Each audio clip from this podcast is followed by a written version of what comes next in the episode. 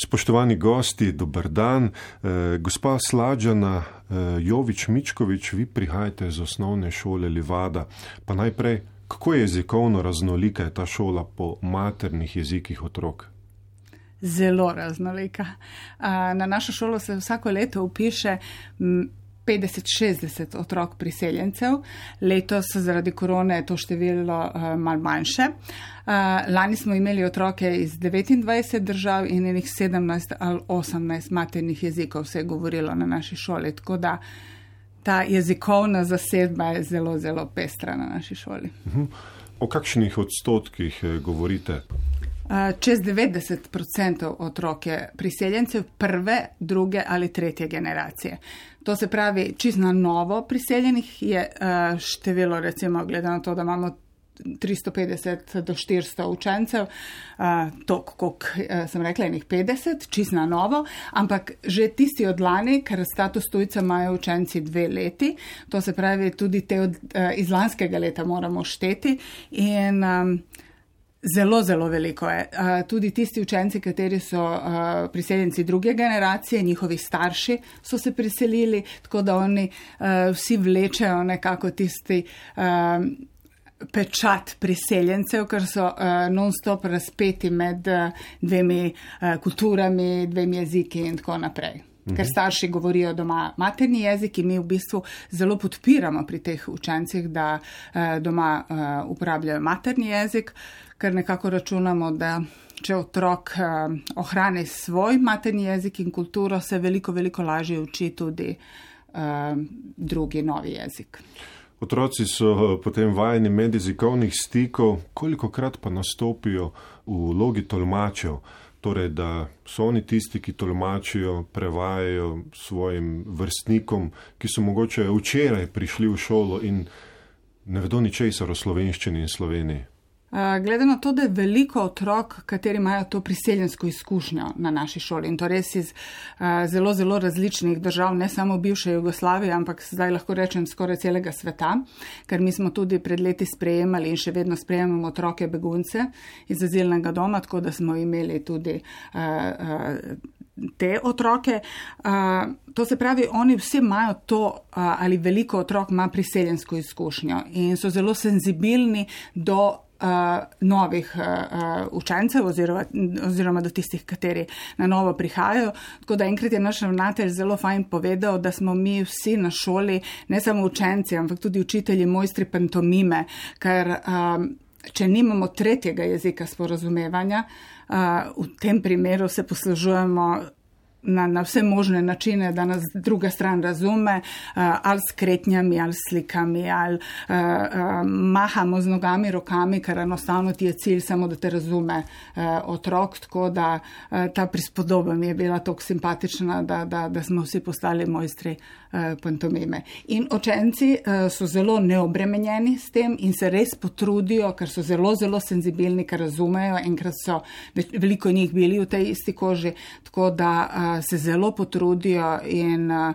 brez zadržkov. Mislim, uh, včasih, če niti ne znajo razložiti, primejo za roko uh, sošolca in ga odpeljajo, recimo, če mu ne znajo povedati, razložiti nekaj v zvezi s straniščem ali karkoli, ker sploh si ne predstavljamo, kakšne stiske imajo ti učenci, ko pridejo, ko ne znajo vprašati, recimo, kje je stranišče ali ne, vem, ne zna povedati, da ga boli trebuh ali da mu je slabo ali karkoli.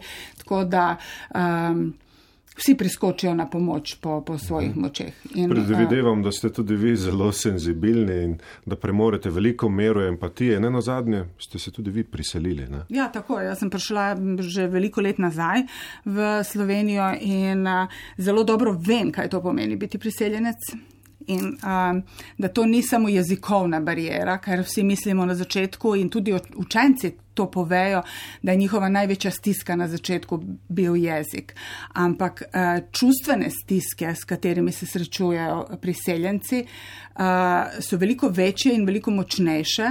Na začetku, tako da dokler nismo sproščeni, dokler ne začutimo to sprijetost v novem okolju, dokler um, res um, se ne počutimo dobro, z čustvene plati se nismo sposobni niti jezika učiti ali karkoli drugega. Tako da jaz kot priseljenka zelo dobro vem, kaj to pomeni, tako da se na vse možne načine trudim, da otrokom pomagam. Prvo, da se sprostijo, da razumejo, da smo mi v šoli zaradi njih uh, tam in da, da jim dejansko žim, želimo uh, pomagati. Trudimo se, da tudi učence pripravimo za prihod novega učenca. Uh, tako da uporabljamo vse možne mehanizme, da se taj uh, priseljenec počuti prvo sprejet in dobrodošel na našo šolo in potem uh, se začne tisto poglavje učenje jezika in vse drugo, kar gre mhm. zraven. Gospa Lenka Morel, eh, osnovna šola Livada je verjetno izjemen primer. Nobena šola seveda ni enaka, ampak vendarle je osnovna šola eh, Livada glede vključevanja otrok priseljencev nekaj izjemnega. Kako pa je po drugih šolah, v kakšnih situacijah se vse tam znajdejo? Pozdravljeni. Torej, res je, mislim, da je osnovna šola Livada skupaj še z drugimi šolami, ki sodelujejo v projektu Medkulturnost, res izjemen primer in ima neizmerne bogate izkušnje, ravno zaradi te količine učencev, in, um, ki pridejo iz drugih držav ali pa so druga generacija um, priseljencev. V drugih šolah, kjer je teh priseljencev manj, vsaj po mojih izkušnjah, raziskavi in pogovorih s kolegi, pa um, so stvari vendarle nekoliko bolj omejene, čeprav se vedno, že čisto iz človeškega vidika, predvsem svetovalna služba, ki se prva sreča z otrokom in z njegovo družino, starši in pa matični razred, kamor se pridruži um, nov učenec, učenka, se gotovo na vso moč potrudijo, da bi um, te učence sprijeli. Pogosto vsaj v zadnjih letih je vedno bolj tako, da v vsakem, skoraj vsakem razredu je gotovo kakšen prišlek, ki bo razumel in imel ravno tako empatično izkušnjo. Pa tudi učitelji že po naravi smo, so taki, ki radi pomagajo, pristopijo um, k učenki, učencu in pomagajo. Uh, vendar je pa Eh, formalna strukturiranost in neki že obstoječi programi, ki jih izvaja osnovna šola ali vada, vendarle nekaj posebnega, medtem ko v, pa ne bom rekla običajnih šolah, ampak v mnogih drugih šolah, ki se soočajo s temi situacijami, pa morda nimajo toliko sredstev, toliko posebnih učiteljev ali pa um, zaposlenih, ki se s tem ukvarjajo in je največkrat to stvar dobre volje. Dobre volje, čeprav vem, da je to tudi na um, osnovni šoli Livada, um, ampak vendarle je morda še kakšen dodaten zaposlenje, ne tako pa. Um, In potem pač lahko priskočijo na pomoč tako. otroci, ja. otroci, bratje, sestre, eh, prijatelji. Koliko krat se zgodi, da so otroci potem prevzamejo vlogo tolmačev, da nadomestijo tisto, česar pač v teh šolah ne morejo zagotoviti v tolikšni meri kot na osnovni šoli Livada. Ja, to, kolikor uh, sem razbrala iz pogovorov in um, izkušenj, se dogaja kar pogosto, sploh pri družinah z več otroki, kjer morda, naprimer, oče sicer bi razumel slovensko, a je zelo zaposlen, ker je bil že prej v Sloveniji dela in otroke potem na razne roditeljske sestranke pogovore govorili, ure spremlja mama um, ki slabše govori slovensko, in ko se je prvi otrok že ušolal, odlično vklopil, govori slovensko, potem pa se mu pridruži še mlajša sestrica, mlajši bratec. Pa je pogosto starejši otrok tisti, ki jih potem spremlja na govorilnih urah, nekih sestankih, pogovorih in um, deluje kot nek medjezikovni posrednik, kot tisti, ki ja prevaja, tolmači, pove, zakaj gre. Um, Če pa gre za stike med um, vrstniki in učiteljem, pa je to potem res drug učenec, druga učenka, ki pove, kaj um, ta drugo deklico morda muči, s čim ima težave.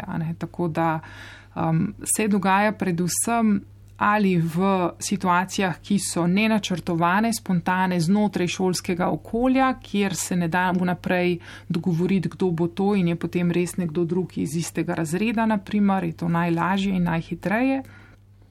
Ali pa, ko gre um, za neke take vsakdanje na nek način vsakdanje ali manj pomembne, čeprav so seveda ključni pogovori med starši in um, svetovalnimi in šolskimi delavci, pri katerih se pa ne pomisli, da je sodelovanje otroka lahko vprašljivo oziroma um, da je treba premisliti o tem. Ja, kakšne dileme bo... se tukaj odpirajo?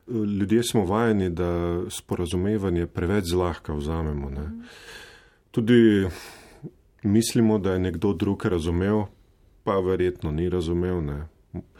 Tudi sami rečemo, da smo razumeli, pa nismo razumeli, ker nočemo odpirati nekih. -huh sploh konfliktnih, stresnih situacijah, v katerih se lahko znajdejo priseljenci, mhm. starši, njihovi otroci. Kakšne vse dileme, kak, kakšnih vseh ja. situacijah se znajdejo? Tako je, že v osnovi, kot ste sami rekli, je komunikacija dvosmeren proces. Ko pa je vključen še tretji udeleženec, to je sicer tolmač v tolmačeni situaciji pa se premalo krat zavedamo, da je ta oseba tretja aktivni udeleženec poleg dveh primarnih, ne, da res lahko vpliva na celotni dogodek.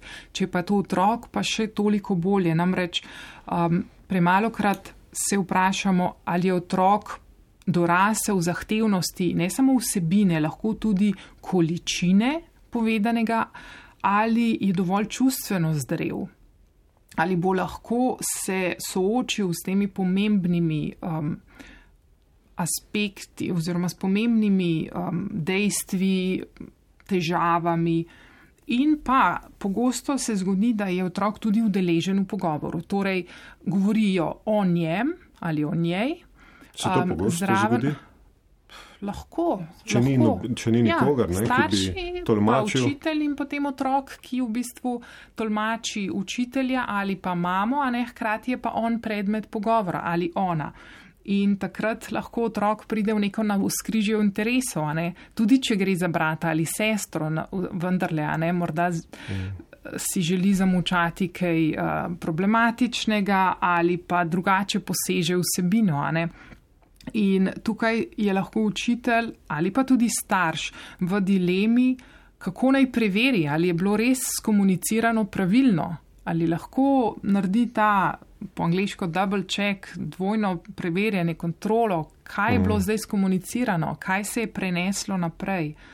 Ja, to je um, mogoče nek primer neke bolj zapletene situacije, pa vendarle, tu je govoreči otroci, njihovi starši včasih ne razumejo tudi eh, preprostih eh, informacij, ki so nam samo umevne.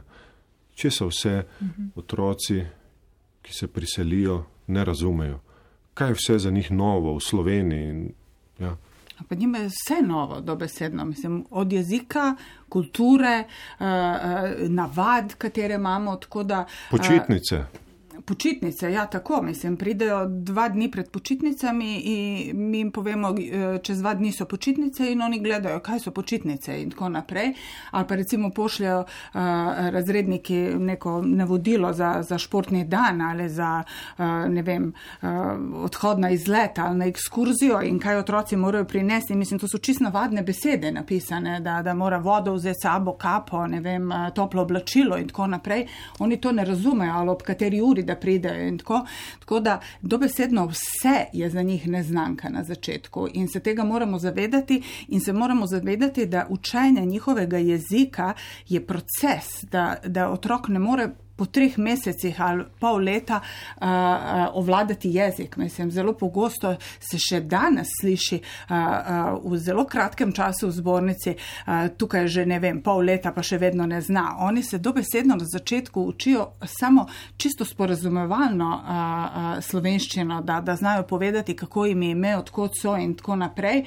Funkcionalno, za, za funkcionalno uporabo jezika oni potrebujejo več let in uh, včasih pričakujejo, pričakujemo od otroka v, v devetem razredu, da se uči iz učbenika biologije, kateri je uh, napisan strokovno in uh, ga v, v večini primerov ali pogosto ne razumejo niti uh, slovenski otroci, a ne en učenec priseljenec. Um, gospa Lenka je omenila projekt, v katerem sodeluje osnovna šola Livada in uh, upam, uh, da se prednosti tega projekta, mislim, mogoče, da v parih besedah sam povem, to je uh, petletni projekt izzivi medkulturnega sobivanja, kateri poteka v celi Sloveniji in je v ta projekt vključeno 15 konzorcijskih šol. Ena od teh konzorcijskih šol je tudi osnovna šola Livada in vsaka konzorcijska šola ima um, še svojih pet sodelujočih zavodih po celi vertikali, eh, od vrtcev, osnovne šole do srednje, tako da eh, multiplikatorke, katere smo zaposlene eh, na, na, teh, na tem projektu, v bistvu obiskujemo vsaka od 15 multiplikatork in imamo tudi enega multiplikatorja, obiskujemo šest zavodov. Jaz osebno vrtec Trnovo, osnovno šolo Škofljica, osnovno šolo Martina Krpana, um, osnovno šolo Kolezija. Kaj, kaj je namen tega programa? Namen tega projekta je, um, kar je država prepoznala. Um, da priseljenstvo ni trenutno, da ni par otrok, kateri prihajajo uh, vsako leto v šolo, da jih je vse več, mislim, ker globalizacija nam je prinesla uh, ne samo ekonomske migrante, ampak tudi strokovnjaki prihajajo, vrhunski športniki in tako naprej. To se pravi, vse več je otrok priseljencev in enostavno, da ne bi vsak delal na neki svoj način in iskal neke uh, uh, module, kako in na kakšen način pristopati tem otrokom otrokom in njihovim staršem, uh, je enostavno taj projekt, uh, en del je bil, oziroma prvi del projekta je bil od 2013 do 2015, to je bilo vključevanje otrok uh, priseljencev in potem od 2016, zdaj konec avgusta se zaključuje taj petletni projekt. Enostavno iščemo uh, neki enoten model za delo z učenci uh, priseljenci oziroma otroki priseljenci, seveda ne bomo dobili recepta in ne mogoče, da je na vseh šolah enako, ker na šoli, na kateri so upisana dva pri, uh, uh, otroka, drugače delamo kot na recimo naši šoli, na katero upišemo 30 ali pa recimo, če so samo otroci iz bivše Jugoslavije ali pa ne vem, iz uh, celega sveta. Ampak en model približno uh, podoben in način dela uh, bomo imeli predpisan. Uh, določene stvari so že zakonsko uveljavljene uh, tekom tega projekta. Povečano je število ur slovenščine kot tujega jezika, kar je bistveno pomembno, ker to je tista prva stvar, katero uh, smo morali spremeniti, kar je prej bilo samo 70 ur, to vemo, da je odločno premal. In sistemizirano je delovno mesto za osebo, katera bo delala uh, s temi uh, otroki. Uh -huh. Gospa Alenka Morel, ostali sta nam še dve minuti. Kakšen je vaš pogled na urejenost tega področja v Sloveniji? Sicer že desetletje ali več eh, poslušamo, da je to zelo neurejeno. Tako je, veliko je inicijativ, veliko je pobud, kar nekaj je projektov. Žal pa so vsi ti projekti časovno omejeni in se ne ve, kaj bo iz njih nastalo in kako bo naprej. Vedno znova se poudarja ta pomembnost sporazumevanja med družinami priseljenimi in med šolskimi delavci.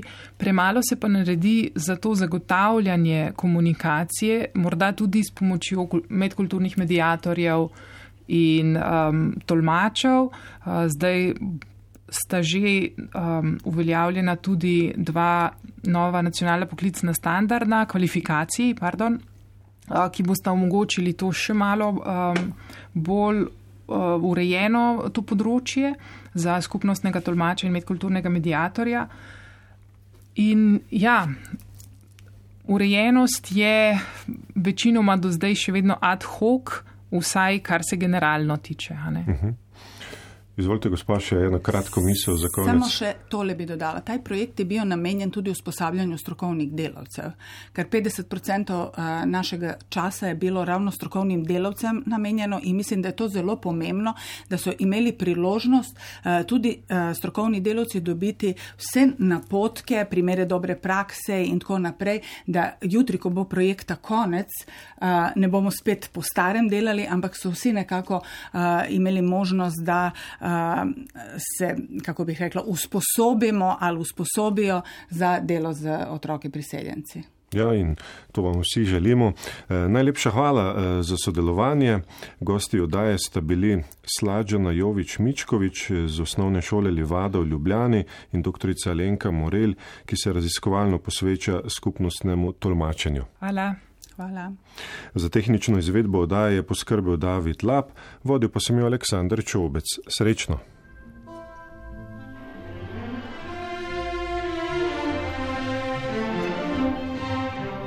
Jezikovni pogovori.